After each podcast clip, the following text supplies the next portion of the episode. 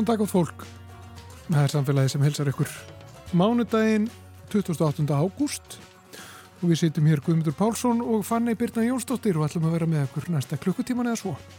Já, við ætlum að skoða hvert frelsi fjölmila er til fréttaflutnings við meðferð sakamála. Eftir fréttabann sem hérastómur skellti á við aðal meðferð stóra kókahinsmálsins í byrjun þessa árs og hún segur hún Ingebjörg Gísladóttir, lögmaður. Hún kemur til okkar og veldir upp öllum hliðum þessa máls. Já, ekki oft sem við tölum um kókain í samfélaginu. Ekki nú mikið. En þetta eru stóra málinn, stóra kókainmálið í dag. Við ætlum að forrætnast um lofslagsting saminuðu þjóðana sem er ofta skallað COP og svo fylgir tala. Í fyrra var COP 27 og í haust fer COP 28 fram. Haldur Þorgirsson, formar lofslagsráðs, ætlar að koma til okkar og segja okkur allt um COP. Og við fáum góða heimsoknur Sapni Rúf. Helga Lára Þorsteinsdóttir, Sapstjóri, kemur hingað með skemmtilega upptöku. Og við heyrum málfarsmínútu og svo dustu við ríkið af ruslarappinu í umsjón Þórildar okkar og Lofsdóttur. En við ætlum að byrja á lofslagstingi.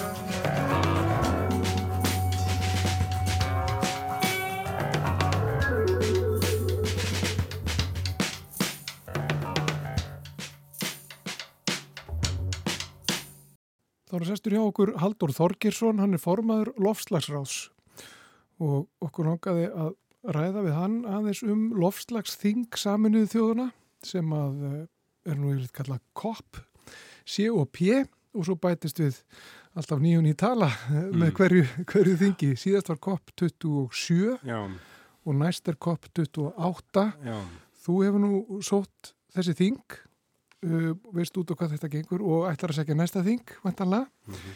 Uh, það er COP28, hvar mun það fara fram? það fyrir fram í Dubai, saminu arabísku fyrstadæmanum. Já.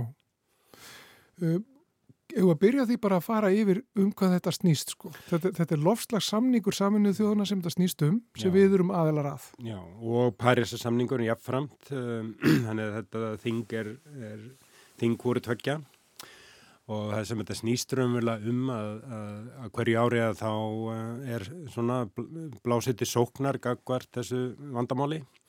Uh, það er verið að fara yfir svona hvað uh, hérna, hefur áunnist og hvað er framöndan. Það sem er sérstætt við þetta þing núna 2008. er að þetta er fyrsta stöðumatið sem fer fram undir Parísasamningnum. Parísasamningurinn er byggðuð þannig upp að hann skilgrinir markmið sem er erfitt markmið að, koma í veg fyrir alvarlegustu afleiðingar veðafarsbreytinga og halda röskun veðafarsins innan ákveðina marka sem er sett við einu og halva gráðu. Og nú fer ég fyrsta sinn, verður fyrst sinn lokið svona nattrænu stöðum að þetta, sem þjóðurnar fara yfir ekki einstakar þjóður, heldur bara hvernig í heldina þetta er að ganga, hvað er að skila árangri, hvað er ekki að skila árangri og hvernig er þetta auka í, í árangurinn. Þannig að þetta er svolítið sérsta ting hvað það varðar og þetta er uh, fimm ára svona innri taktur Parísarsamningsins og fyrsta sk- skiptið sem slíkum ring er lokað og þá tekur við líka taka við ákvarðanir heima fyrir um hvað þjóðurnar þá treysta sér til þess að, að leggja fram næst. Þetta er mjög mikilvægt þing hvað það varðar. Já, og hvaða þráður er tekin upp þá frá síðasta þingi? Sko það sem að eh, náðist á síðasta þingi sem var svona ákveðin tímamót í þessu samstarfi var að, að það náðist samstaða um það að, að það þyrti líka að hjálpa þeim þjóðum sem hafa orðið fyrir mestu áföllum. Og þetta hefur verið kallað á íslensku tap og tjón það eru, sagt, það eru fyrst og finnst tvent sem við verðum að reyna að gera. Það er að vera að draga úr losunum að hægja á breytingunum og svo að búa sig undir afleiðingarnar sem er svona aðlugun að uh, hérna, þessum, þessum uh, hérna, breytingum. En svo uh, kom alltaf svona stórir og erfiðir atbyrðir sem að, sem að verður bara ekki vinn eitt ráðið. Og, og þá verða, verða tjón, verður tjón og áföll og það var ákveði núna að það þyrsti að setja upp nýjan sjóð sem hafið það fyrst og finnst að marka með að koma á móts við þjóðir sem að fari vest út úr þessu og Og þessi samstaða síðast ári, hún náðist nú ekki síst fyrir það að, að Pakistan sem var þá í, í forsværi fyrir þrónuríkinn, það vorði fyrir alveg gífulega áfalli flóða sem að um, triðungur landinu fór á kaf. Þannig að og það, og það á að ná, það svona að búið að setja þess að vinna í gang við hennan sjóð, þannig að það verður tölur fókus á það. Já. á þessu þingi að tryggja það að, að það haldist á spórinu og, og það er náist að klára það og gefa leiðsög til þeirra sem eru að vinna í þegar byggja upp þennan sjóð. Og, um, en síðan er um, stöðut verið að, að ebla líka samstarf sko, um, milli aðila sem er að fást við lausnir Og það hefur uh, reynst mjög vel að nota þessi þing ekki bara fyrir ríkin til þess að semja sín á milli um, og taka þær ákvarðanir sem að ríkin þurfa að taka. Að ekki síður að svona blásættu sóknar og, og, og, og hérna, skapa uh, hérna, samstöðu um lausnir. Því að þetta byggist náttúrulega rosalega mikið á samstarfi ríkja á milli og atvinni, með atvinnlífi og nýsköpun. Mm -hmm. Þannig að þetta er svona blanda af því að vera uh, samtal ríkja þar sem maður teknar formlegar ákvarðanir annars vegar og svo svona uh, raunverulega bara svona lausna tork þar sem maður verið að fást við um, hérna, margar hlýðar á þessu uh, viðfársefni. Og, og það sem hefur líka skapað mikla stemmingu er að það er breytinga sem þarf að ráðast í, að þær eru til góðs á svo mörgum sviðum. Þannig að þess vegna er þetta mjög eftirsókn að vera framtíð sem við verðum að byggja. Ef við horfum að þess á markmiðum einu og hálfa graf, um, það er ennþá verið að horfa þángað eða hvað? Já, það Men, er... Menn er ekki búin að gefast upp á því markmiði? Nei, þó það er mjög mikilvægt að, að láta ekki, að, að jafnveg þó að líti mjög illa út og það verður að viðkennast að, að við erum ekki að ná árangri nægilega hrætt. Eh, það, það er ofmikil svona töf í kerfinu og það er ofmikil ítök ennþá sem að jarðefna elsnittis hagkerfið hefur en það er mjög mikilvægt að, að samt að halda í þetta markmið. Uh, því að ef við gefumst upp núna uh, að þá verður þá erum við bara viðurkenna að, að framtíð margra aldaríkja samanum þjóðana uh, sko, hérna það hegi sér ekki framtíð og, og það er ákvörðum sem ekki, er ekki skynsanlegt að taka. Mm -hmm. Það er hugsanlegt að, að, að, að hlínunin fari yfir eina og halva gráðu á okkur tímabili en síðan verða þetta ná henni aftur nýður eh, með því að fjarlæga gróðurslóftegundir úr andurslóftinu, það er ákveðna leiðir til í því. En þannig að þetta er eiginlega, þetta er varnabarta og það er ofsnemt að gefast upp. Og næsta þing fyrir fram í Dubai, Já. sko maður ma geti hugsa bara að það, það fyrir fram bara í geni ljónsinn sko, heila það, þetta er ólíuríki, þetta er mikill auður sem eru orðið til vegna uh, bara framleyslu á, á uh, eh, ólíu og, og markasetningu á jarðanælsnitum. Já, það sem að þau hafa sett í forgang er að, um, að ná utanum það, það myndast tölvöld af metan við framlegslu og vinslu uh, ólíu og gas og, og ekki tala um kóla og uh, þau hafa sett sér það markmið að fyrir 2030 þá verði búið að koma í veg fyrir alla slíka losun og þetta er mjög öflög gróðrúsláttegund og hún virka mjög hratt Þannig það er mikið, til mikið að vinna að ná utan að metanlosna. Þetta er umlega sama loftegundin og myndast hér til dæmis á sorphaugum og myndast líka við yðragerjun í, í jórturdýrum. Eh, þannig það er verið að taka stáfið það, þá loftegund á mörgum vikstöðum og, og það er það sem að, að þau hafa lagt megin áherslu á og að, að, að draga úr allir losunum sem tengist notkun á eh, jarðarnefnsniti og meiri áherslu líka á að, að binda, að, að fanga losununa strax og, og kominni fyrir varanlega í annarkvöld neðanjarðar eða með öðrum hætti. Um, en jú, það, þetta hefur náttúrulega beint aðteklinni að um, uh, framtíð þessar ríkja sem hafa byggt ákomin sínum mjög mikið á þessu uh, en, en Þetta vissu þau hjá saminni arabísku fyrstadæmunum að, að þau væru raunverulega að setja sig í uh, sviðsljósi svolítið.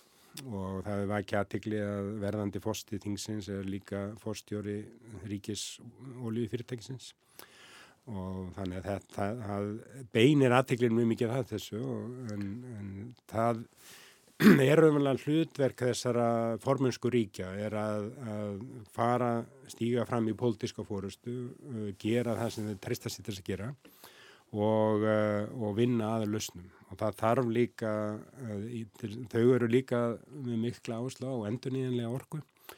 Eru gestgjafar fyrir alþjóðlega stopnunum enduníðanlega orku sem er í Abu Dhabi. Þannig að þó þau séu þekkt fyrir ólí og gasa þá uh, er þau líka mjög virki í endur nýjanlegar orku. Já. Er einhver þrýstingur á þessar þjóðir og þessi ríki sem að hafa uh, framleitt jarfnælsniti og auðgast gríðarlega? Sko? Þetta er ekkit venjuleg þetta er ekkit venjulur auður sem hefur sapnast þarna saman og, og orðið til.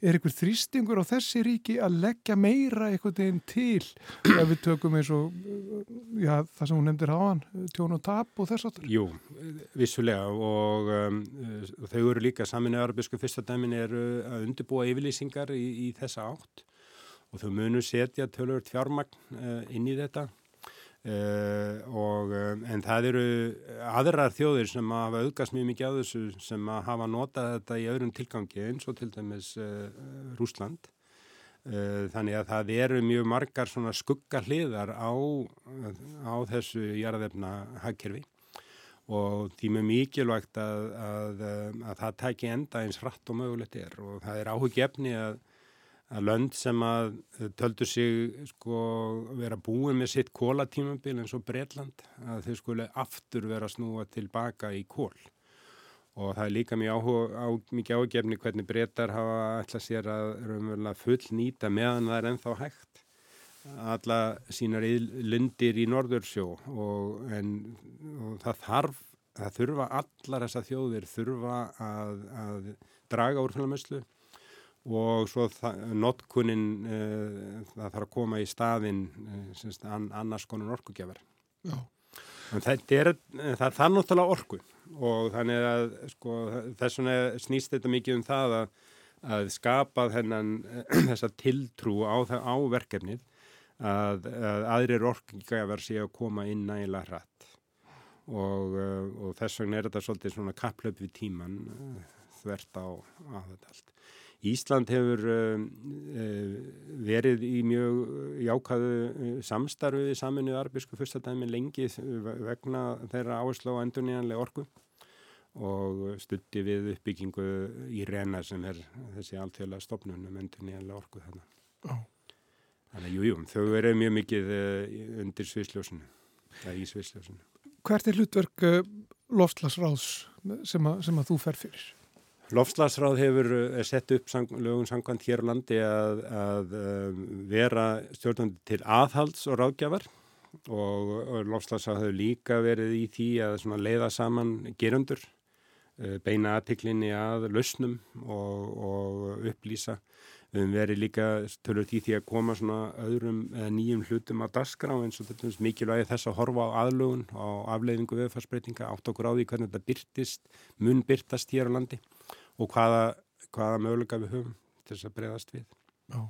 Svo verður uh, í tengslum við uh, um, uh, Ringbor Norðurslóða sem er mjög öflugt samtal sem á sér stað alltaf hér í hörpu á, í, í oktober á hverju ári.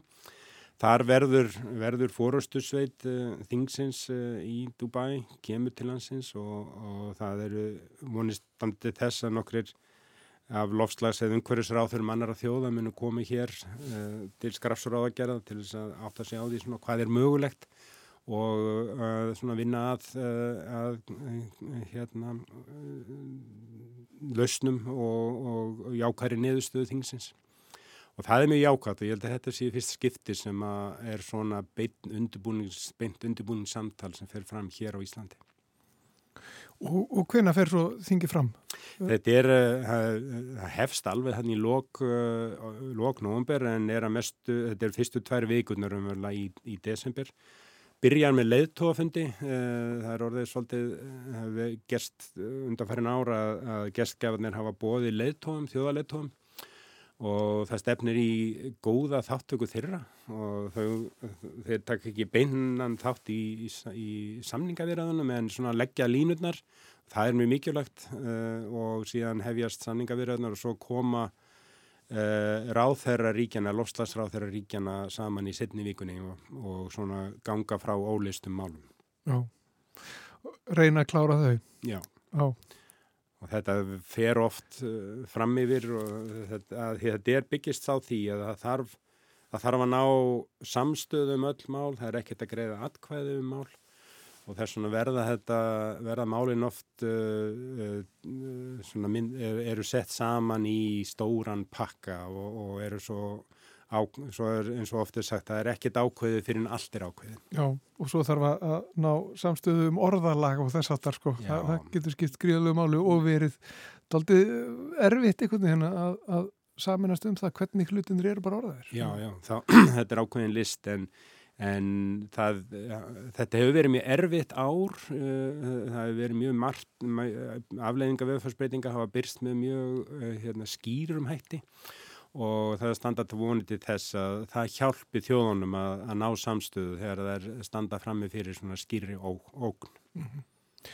Bara svona rétt í lokin, þá maður kannski minnast að það, að það verður upplýsingafundur á morgun ekki satt um, um já, þessa lofslagsrástefnu og, og, og hvernig hvernig hún fer fram og, og markmiðin og samvinnu og, og svo frá þess. Nákvæmlega og þetta er opinn fundur sem að uh, ráðunettið, uh, stofnun Ólars Ragnars og Lofslagsráð standa fyrir sameilega og, og hefst klukkan fjögur í Hátíðasel uh, Háskóla Íslands. Öllum opið og verður líka, líka streymt fyrir það sem ekki geta verið á staðnum og tilgangurum með þessu er akkurat þetta að, að upplýsa um hvernig hvað þarna er í húfi, hvernig þetta fer fram og það verður líka fjallað um aðkomi Íslands atvinnulífs að þessu þingi uh, og samstarfinni kringum það. Ungir ungverður sinnar munum líka uh, koma með sína sín, þannig að þetta verður mjög frólætt og áhugavert og er svona sett upp sem eigi að vera aðgengilegt fyrir fólk sem hefur vill kynna sér þetta. Það er mikilvægt að að allir sko, fylgis með þessu og veiti þá íslenskum stjórnvöldum líka aðhald. Ljúkum þessu þannig. Haldur Þorgjursson, formaður Lofslagsráðs, takk fyrir komin í samfélagið. Takk fyrir að sína þessu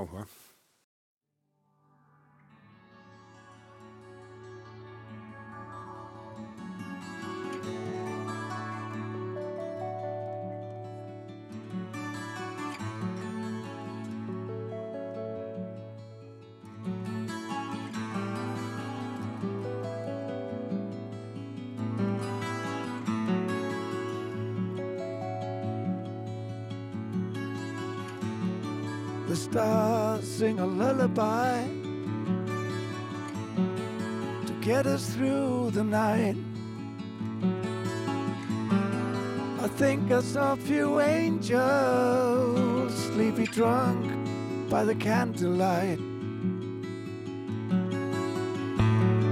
on a frozen pond of glitter. The swans have all gone quiet. The little minds are hazy, they don't know where to fly.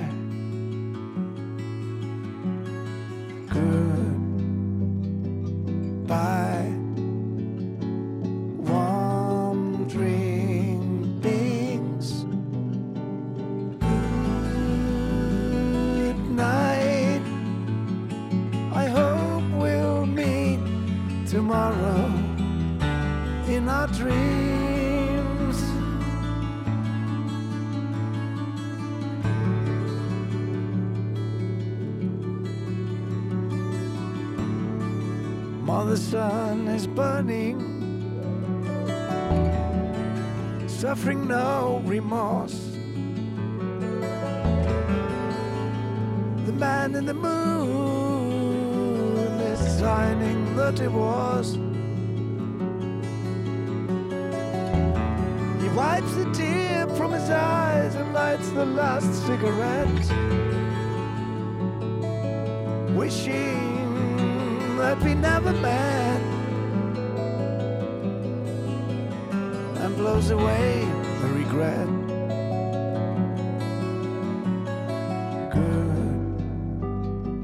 Goodbye,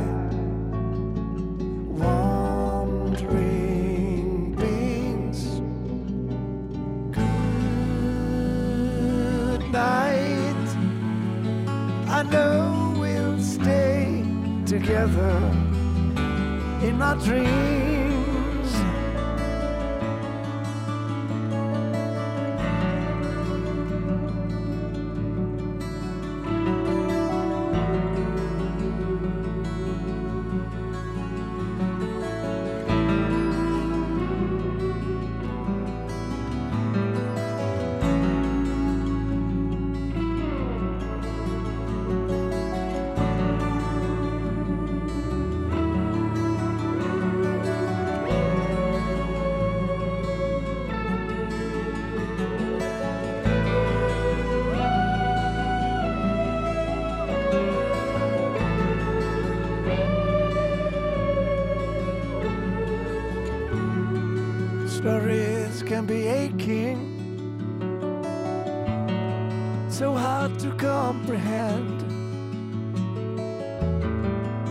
Stories have beginnings, they all lead to an end. And so the story went of little funny plays. the human race. Another day in space.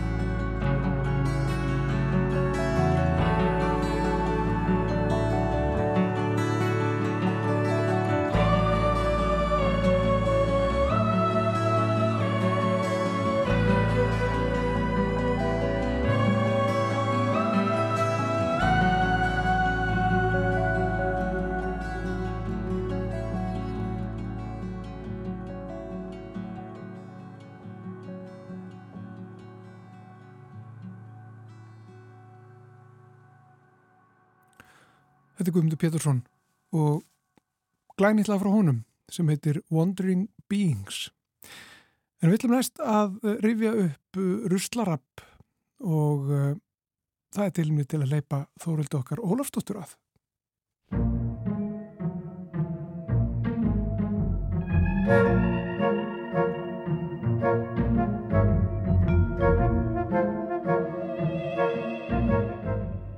Og þá er komið að ruslarappinu hérna hjá okkur í samfélaginu. Eirikur er Þorstesson, sérfræðingur í fræðslu og miðlun hjá Sorpu, sest hjá okkur og fer yfir eitt og annað sem að fólk á í vandræðu með eða veit ekki alveg hvernig það á að flokka. Og við höfum hvart hlustendur til þess að senda inn til okkar fyrirspurnir og einslík kom inn til okkar um daginn á samfélagið at.ruvaf.is sem að var fyrirspurnum hvað ætti að gera við já, myndbans og segurbansspólur. Já, alveg rétt. Þessar Vaff HS bólur og, og, og kassettur.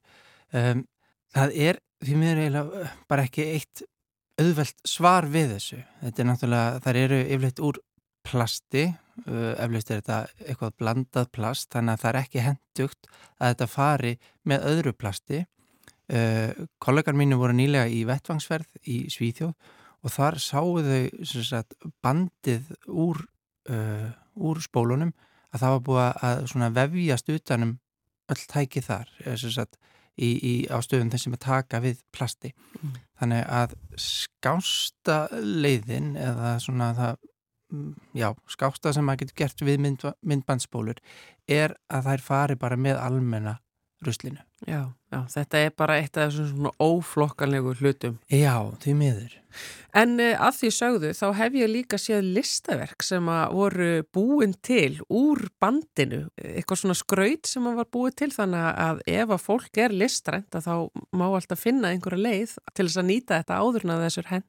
Alveg, það er, eflust að gera ímislegt með, með þetta og kannski er einhverju sem, að, sem vilja eiga þetta. Maður veit aldrei hvort að koma einhvers konar comeback á myndbandsbólunar Já, þessi svo kvöldu comeback, þau gerast líka sko. það gerast með plöturnar, þannig að það er aldrei að vita. en ef að þið ætlið að henda þessu þá bara í almenna. Já. Takk fyrir þetta Eirikur Takk fyrir mig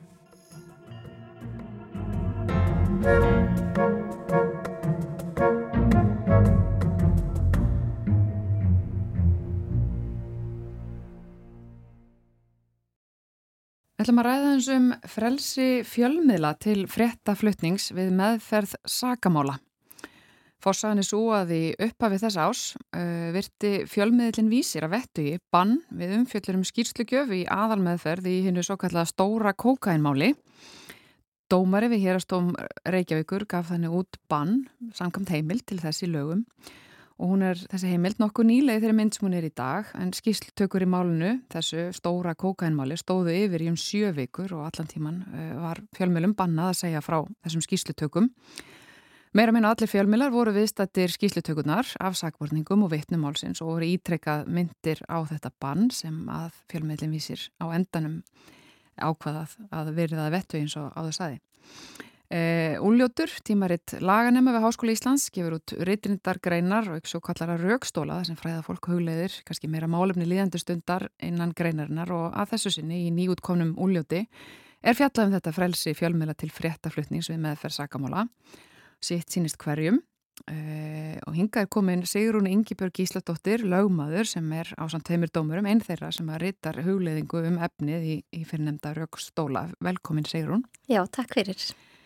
Uh, um hvað snýst nákvæmlega þetta, þetta ágreiningsmál? Sko þetta er þannig að, að nýlega var sakamálulegunum breytt á þá vegu að það er almennt að meginreglu bann við frettaflutningi að meðan á skýslutökum stendur, mm. þar að segja á efni skýslutaknana mm -hmm.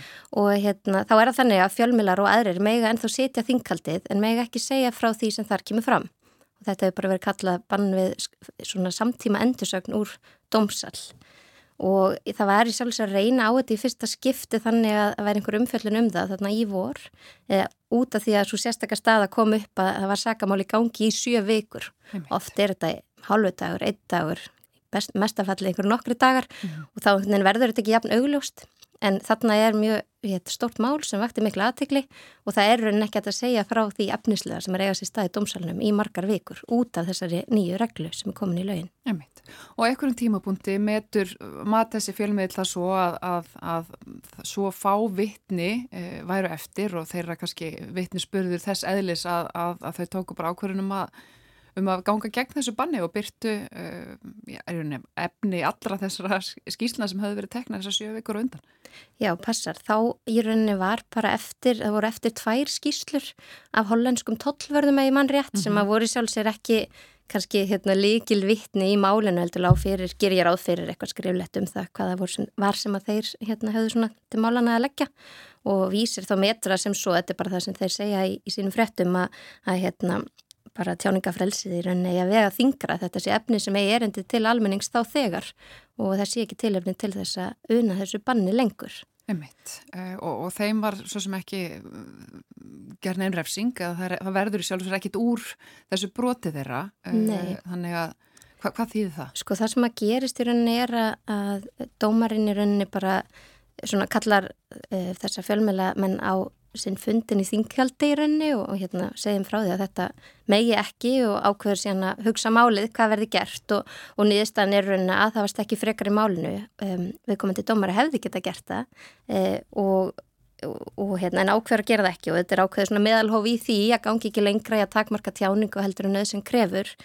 En, en bara þessi möguleiki að það er þetta hérna grípa til einhverjum svona íþingjandi úrræða meðal annars það að banna viðkomandi að koma og fylgjast með öðrum þingvöldum. Þetta er alveg eitthvað sem að e, skiptir máli í líðræði samfélagi varandi tjáningafrelsi fjölmela. Mm -hmm og það sem að, hérna, ég var kannski að fjallum í minni grein var þessi vandi, þessi praktiski vandi sem að fjölmjöla fólk stendur fram með fyrir meðan þetta er meginreglan að það er ekkert sem þau geta gert til þess einhvern veginn að leita endurskoðanar á þessari ákvörðuna þetta er engin eiginlega ákvörðun. Þetta mm. er bara reglan, það er bannað að segja frá skýslum mennaðum stendur.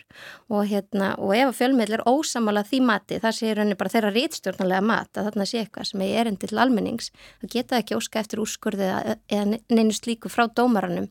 Og hérna hvað þá þau geti þá borið þá ákvörðun undir einhvern aðri dómis og landsrétti eða þess áttar. Þau sitja henni bara uppi með þetta bann og, og hérna, það sem þau neðast þess að gera ef þau tellja að þetta eigi erindi til almennings er þá bara byrta fréttina og það eru þetta ekki ákjósanlega staða. Það sé ekki lögum að leiðir til þess að einhvern veginn fá að byrta eitthvað án þess að bróta reglur. Sko. Og segðu mér, af hverju, af, af hverju skiptir þetta máli? Af hverju er, er þessi meginregla um opinþingköld og, og hvað það sem að, hvaða sjónamið eru það sem að tóast að ná? Já, þetta er auðvitað þannig að, hérna, megireglan er svo að við erum með opinn þinghöld vegna þess og þetta er bara stjórnaskara og hugsun þarna er bara þegar einræði var afnumið að almenningur geti komið og fylst með réttarhöldum og verið vissum að sér á Jón og Jón fengi sömu meðferð mm -hmm. og hérna þar sem á sér stað um, í dómshúsinu að það þóli bara dagsins ljós og, og það er auðvitað þannig. Um, og þess vegna getur bara hver sem er komið. Í framkvæmt er það þannig að það er ekkit mjög margir svona bara hérna, sem rölda neyri hérastóm og fylgjast með þingkaldið. Það er kannski einhverju laganemar og svo fjölmjölafólk. En það er í kæð fyrir því að fjölmjölafólk situr þingkald á Íslandi og segir frá því sem þar fer fram. Og, hérna, og hefur verið þannig bara held ég alltaf mjög mikið eins og eftir raun. Um, og þá vegast í rauninu á hagsmunir sakamálsins sem slík, sérstaklega þetta í sakamáli, en þessi regla á líka við í engamálum eftir þessa breytingu. Mm. E, þá svona hagsmunir sakamálsins af því að upplýsa sakamál og, hérna, og það eru þetta samfélagslegir hagsmunir í því að, að upplýsa sakamál og... og Af hvað leiti getur þetta haft áhrif á, á, á það að sakamál sé upplýst? Það, það er í rauninu þetta að vittni komi fyrir dóma og veit ekki hvað önnur vittna hafa sagt og mm. það er önnur regla sem er í sakamállögunum að þú ert að koma sem vittni í sakamál það mátt ekki sitja í þingkaldinu inni fyrir þú ert búin að gefa þenn vittnesbyrða því að þú átt að koma bara með þína frásögn og hún á ekki að smitast á öðrum mm -hmm. og þetta er þannig að þú lest um, frásögn annara í fjölmjölum að þá getur það haft áhrif þannig að þetta er auðvitað alveg full ástæð þess að velta þessu fyrir sér hvernig þetta á að vera í þessu nútíma samfélagi sem er að miðla algjörlega í beitni útsendingu að vitni getur setið fyrir framann domsalinn og lesi bara á vefmiðli mm -hmm. hvað er að gerast og hvað hinn vittin er að segja. Þannig að þetta er raugrætt að, að hérna réttakerfi velti fyrir sér byrju hvernig ég var að haga málum í dag þegar þetta er raunin. Um, og það eru tveir dómarar sem að skrifa bara mjög svona um, góðar greinar eh, líka í þessum raukstólum eh, og eru, það, þetta eru tvær konur, Ingi Björg Þorstinsdóttir og Kristín Bendisdóttir og það eru kannski ekki svona mikið á, á, á þessum vagnum að velta þessu mhm. fyrir sér út frá, út frá eh, sjónarháli fjölmiðlana. Ég meina, hvernig, hvernig finnst þér þetta blasa við þeim? Já, sko í rauninni, hérna, þetta eru þó þrjár greinar í þessu blæði, það sem að, eða þessu tímariti, það sem hefur verið að fjallum þetta frá ólíkum sjónarhörnum og það sem að þær eru að benda á er að, að þeirra mati bróti þetta ekki gegn þessara meginreglum að þinghaldi sé opið, það fólk má koma og hlýða á og fjölmjölar meiga segja frá því sem á sér stað þarna eftir á þegar skýslunar eru búnar og getur rauninni sagt upp á einhverju marki hvað að gerast í þinghaldinu, bara ekki frá efni skýslana. Þannig fær rauk fyrir því sem er hérna, alveg góð gild rauk að það sé ekki verið að vega þeirri grundvallareglu. En það sem ég er kannski að benda á er að við skoðum þetta í að stærra samhengi og hérna, tökum aðeins réttaríkið eh, sem hluta af samfélaginu en ekki bara þessa hagsmunni sem eru þessi mjög mikilvægir innan réttakerfisins að upplýsa sakamál og, og líka þetta í samfélaginu. En ef við skoðum þetta aðeins í stærra samhengi að Að, hérna, að þetta er svona einn ein liður í okkar samfélagi og annar mjög mikilvægur þáttur uh, er er hlutverk fjölmela, hvernig upplýsa almenningum þar sem er í gangi tröst domstólana, þetta hangir allt saman tröst domstólana, hangir á því að, að, hérna, að fólk upplifi að það sé að það fylgjast með því sem að þarna á sér stað, það þóli dagsins ljós, fólk notar fjölmela til þess og það er þetta ekki gott fyrir sko samfélagið að réttakerfið að um, þeirra svona mál koma upp sko að fjölmelar einhvern veginn telli sér þurfa neðast til þess að brjóta reglum reynlega um, til þess að miðla til almennings þar sem þau telli eigi erindi til þeirra. Þannig að það sem ég kannski hans að kalla eftir er að við hugsaum þetta uh, aðeins nánar hvernig er hægt að haga þessum málum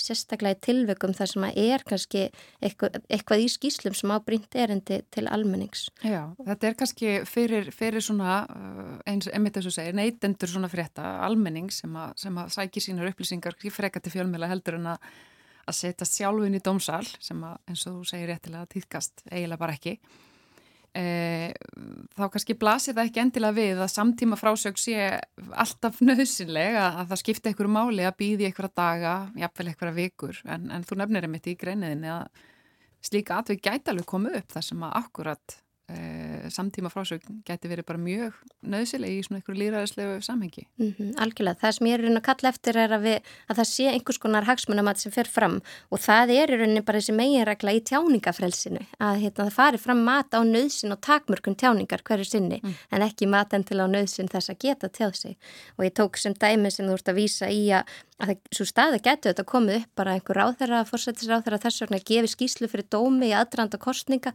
eitthvað sem hefur bara verulega þýðingu fyrir almenning og hefur kannski áhrif á það hvernig fólk kýs og, að, hérna, og það megi ekki fjalla um það að því að, að, að sakamálinu eða þessuna engamálinu sé ekki lokið. Og þá svona kalla ég eftir því að fjölmjölar geti neitt einhverja lögmættra leiða þá til þess að um, geta einhvern veginn fengið þessu frettabanni aflétt og, og annar meðuleg gera þetta sá sem hefur verið til þessa að það sé þá frekar að dómarinn taki ákvörðun um að það megi ekki segja frá því sem á sér staði þinkaldi frekar en að það þurfa að taka ákvörðun um að það megi mm. segja frá því sem það er á sér stað.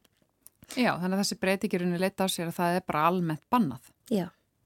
Uh, stundum er náttúrulega þingvöld reynlega lokuð, ég meina það hefur líka verið uh, ágreiningsefni millir fjölmila og domstóla uh, er eitthvað hægt á því að það sé þá kannski frekar eitthvað sem að domstólda myndu grýpa til ef að, ef að þeir hefðu ekki þessa heimild?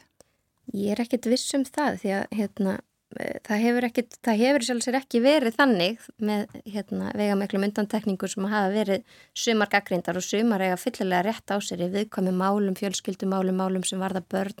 Um, að þá hérna, það er bara svona, geta verið mjög mörg tilvík þar sem að er réttlætanlegt og nöðsilegt að loka þingkaldi um, og það áhreinlega ekki erindi til almenning sem það er á sér stað. Um, en þá fer fram mat á því og það þarf að réttlæta það og það er til dómaframkvæmd um það svona þessari megireglu um sem er í stjórnarskrá að þingkvöld séu opinn. Einmitt. Uh, en þú nefndir áðan, ég menna þessi, þessi lög eru, eða þessi, þessi, þetta ákvæðir frekar nýtt, uh, er ekkert í uh, sem lögskýringa gögnum, það er að segja það sem að umræðu og, og því sem að frumvarpunum sem að skilað um þetta sem að gefa þetta kynna að einmitt eitthvað svona áfríunar úrraði hafi verið skoðað. Mér er ekki kunnugt um það, mm. nei, mm. og það, sko, í rauninni áður en þetta ákveði kemur inn, þá er annað ákveði sem að heimalar dómar að loka þingaldi, sko, annarkort alveg eða bara hluta til dæmis og meðan á skýslutökum stendur og í eins og aðtóðasemdu með því frumarp á sín tíma þegar þessi, hérna, eldri hluti lagana var settur að þá er vísa til þess að, að dæmu um það að það getur þurft að loka þingkaldi tímabundi eða banna frettaflutning sem er annað úrræði um, væri vegna þess að væri skýslur og það væri mikilvægt að væri ekki verið að segja frá þeim í svona einhvers konar samtíma endursögn þannig að það var alveg gert ráð fyrir þessum möguleika áður mm -hmm. en þetta svona almenna banni sett á og þetta er þetta kannski líka bara okkar viðlendi sem samfélag er einn að fóta okkur í nýju umhverfi þar sem þessi samtíma endursögn er um, tæk og fær og hver sem er getur um, sko í rauninni miðlað um, en, en mér finnst það kannski bara ganga svolítið langt og mm. sérstaklega þetta að sé ekki að leita endurskoðanar á þessu og þá er ég að segja í sjálfsögur að mjög oft getur verið réttleitanlegt að það sé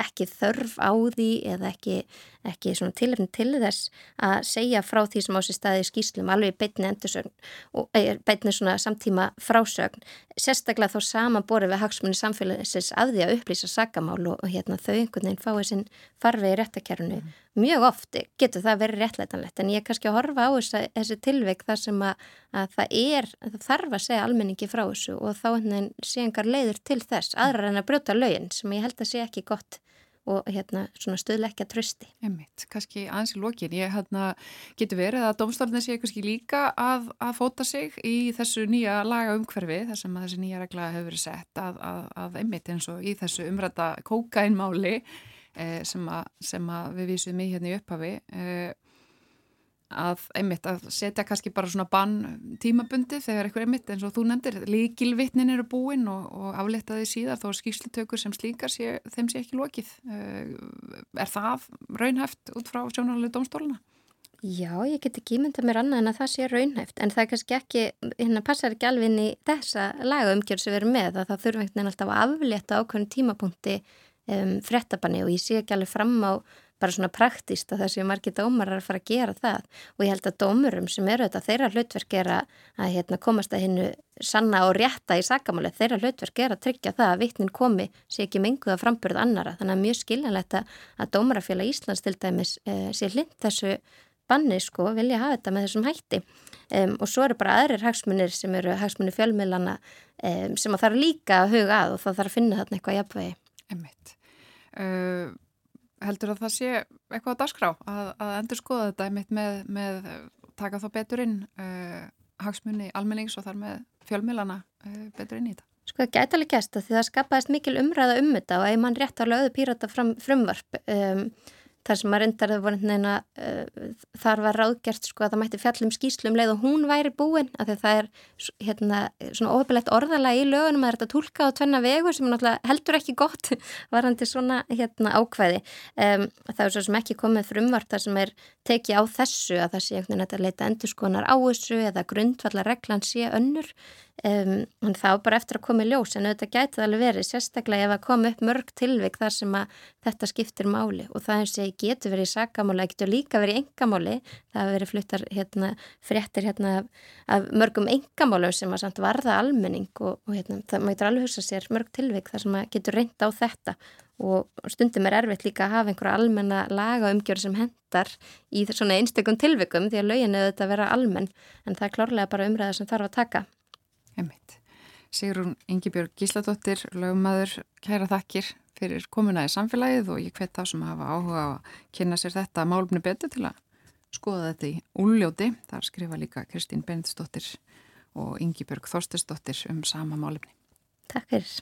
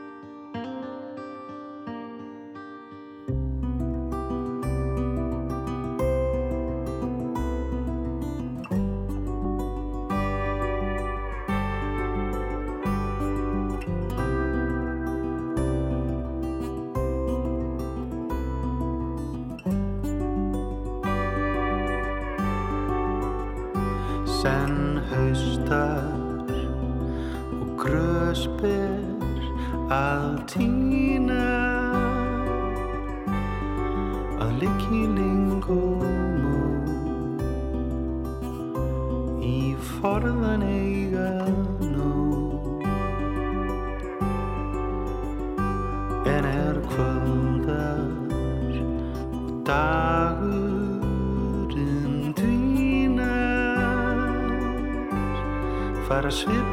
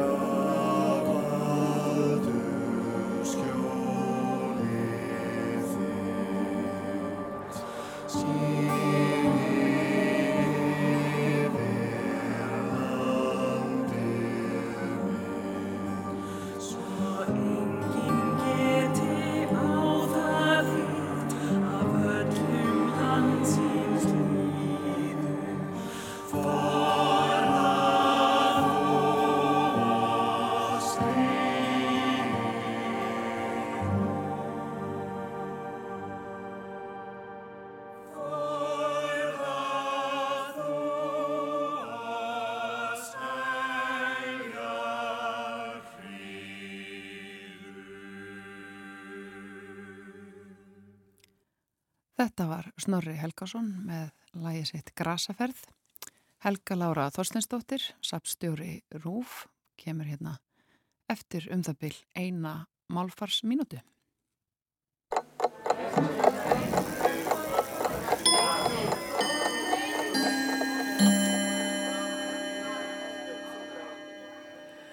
Orðið skúta hefur ýmsar merkingar og eins og nýjasta er farartæki á hjólum. Þekktasta merkingin er aftur á móti lítið seglskip með þilfari, svo að orðabókarskýringin sé tíundið. Þessi skip kallast einnig seglskútur og má segja að þeirra helsta enginni sé að þær eru knúnar áfram af vindi sem blæs í segl þeirra. Þótt flestar skútur megi nú kalla litlar, fyrirfinnast þær í öllum stærðum og gerðum. Og þóttar hafi ekki verið búnar mótor á skútuöld er allangt síðan farið var að setja vélar í skútur og sjálfgeft að ekki sé hægt að knýja þær með vélarafli þegar vindin þrítur.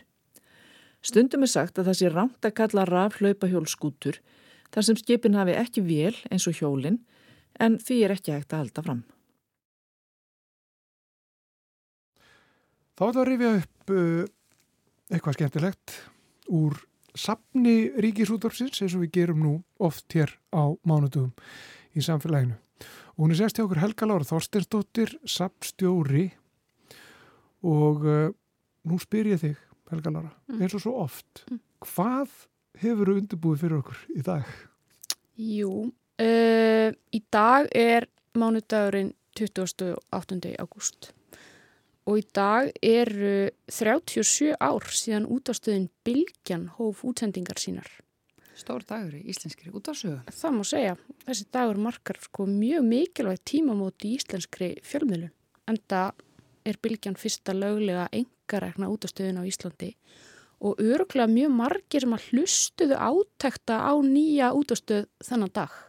Mm -hmm. Ég veit ekki hvort þið munið eftir því, en Mér ráma nú í það sko. já, Já, Ég var þryggjára þannig að ég ætla að segja ég muni ekki eftir þessu. Já, ég var ekki þryggjara, ég man glögt eftir þessu. Nei, ég man bara að þetta voru mikil tímumót. Já, og það var svona stemming í samfélaginu og mikill uppgangur í manni. Ég smakkaði pítsu í fyrsta skipti þarna þetta sumar Já, já. og það var svona, það voru alls konar breytingar í loftinu og, og við vorum svona ung þjóð og, og það voru spennandi tímar framöndan. Mm. En mér langar að þessu tilöfni í dag að, að rifja upp uh, þátt sem að var á dagskrá rásar eitt þennan eftirmiddag. Því það kann að vera einhverju hlustendur hafi mist af þessum góða þætti sem var í umsjón Ævars Kjartanssonar og hétt uh, á ringveginum. Já, og þarna er líklegt að bara flestir hafi bara hlustað á bylgjuna á Í- þessum fyrsta degi bylgjunar. Ég get mér þess til en ég veit það ekki. En hérna kannski hafa einhver verið að hlusta á sitt. Um, en allavegana þarna í þessum þætti á ringveginum var ævar stattur á Akranesi. Og í þættinum var rætt við íbúa bæjarins og ævar fór ringum bæin í strætisvagni sem var starraktur þarna. uh, og svo hitt hann ungan dreng sem var að spila fótbolta á Merkurtúni og þessi drengur fekk sér að lýsa leikfélaga sinna eins og sannir íþróttafréttamenn gera og þetta var svona svolítið krútlegt vegna þess að æfa sæðist nú ekki hafa neitt áhuga eða kunnáttu á, á fótbolta og, og þessi stráku var mjög svona inn í, inn í málum og, og hérna tók hlutarki sinnu svona frekar alvarlega. Eitt að fáu sem að æfa var kunn ekki vel. Mögulega. En það er gaman að segja frá því að setna þá var þessi ungi drengur sem að þarna heyrist uh, atvinnum maður í knatsbyrnu og síðar knatsbyrnu og framkvæmdastjóri knatsbyrnu félags IA bara um ára byl og hann heitir Þorður Guðjónsson og þannig er hann 13 ára gammal að spila með vinum sínum út á túnni.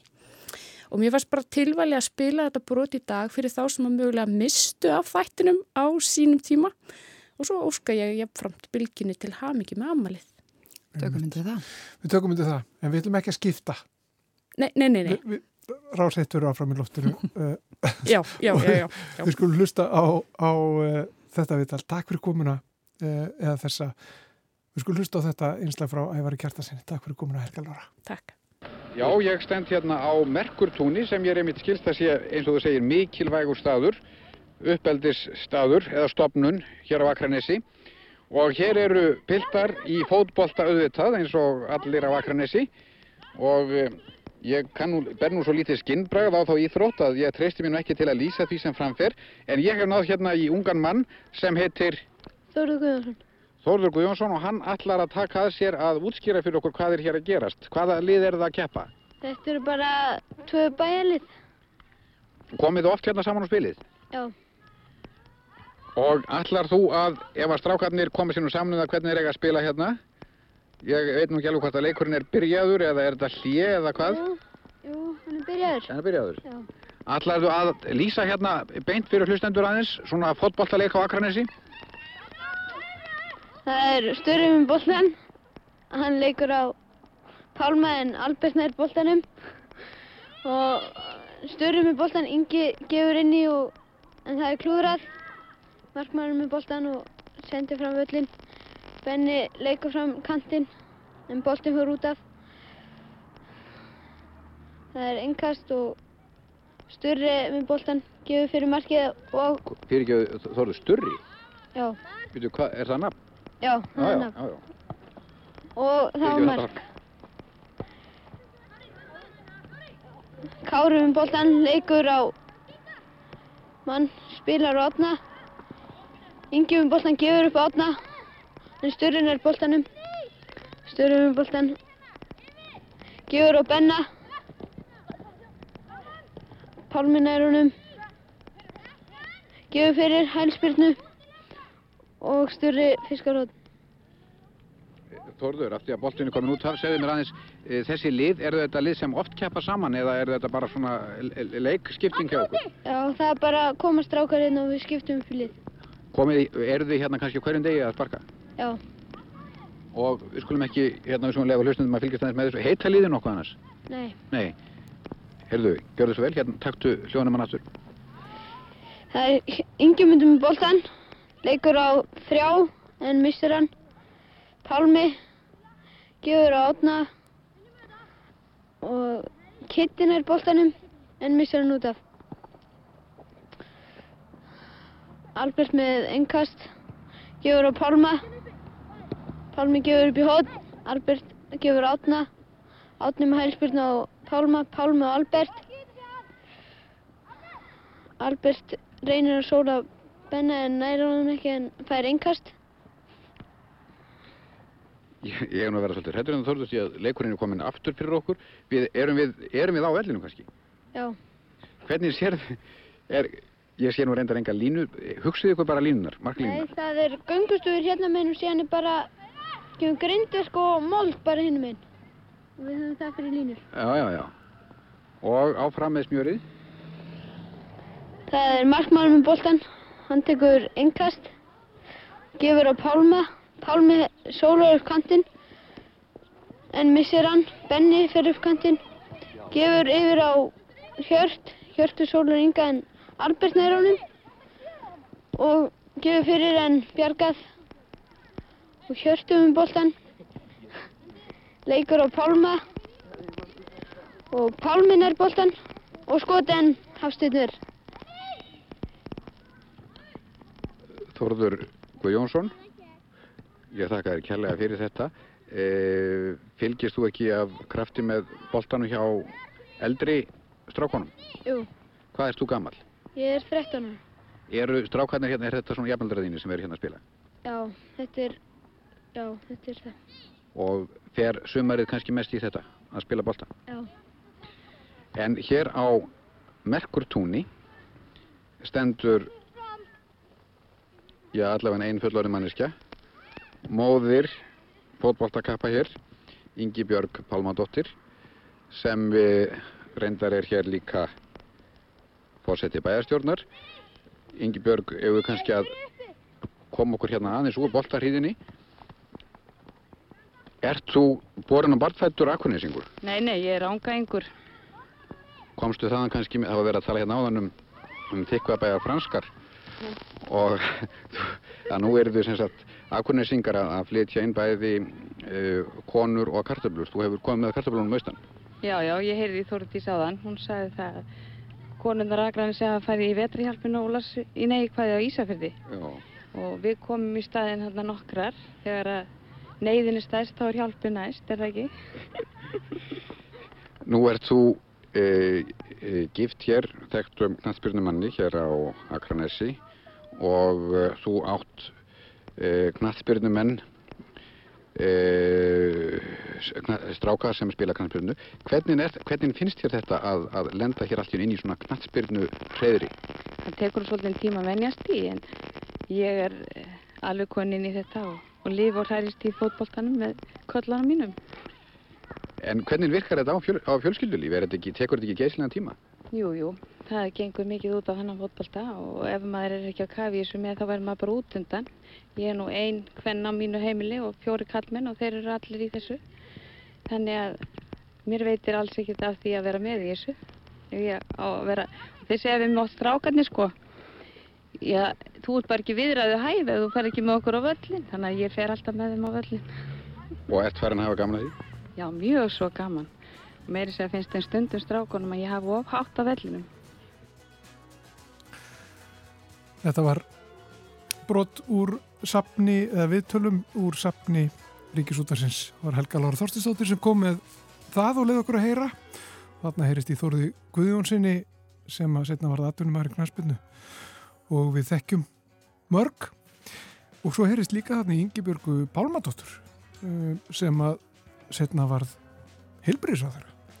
Þekkjum hann ekki síður, mörg. Nei, þekkjum hann ekki síður nokkulega og Ævar Kjartarsson vitaskuld sem að allir hlustendur á sér eitt þekkja. En lengra komumst við ekki í samfélagin í dag. Guðmundur Pálsson og Fanni Byrnaði Jónsdóttir þakka fyrir sig. Verðið sæl.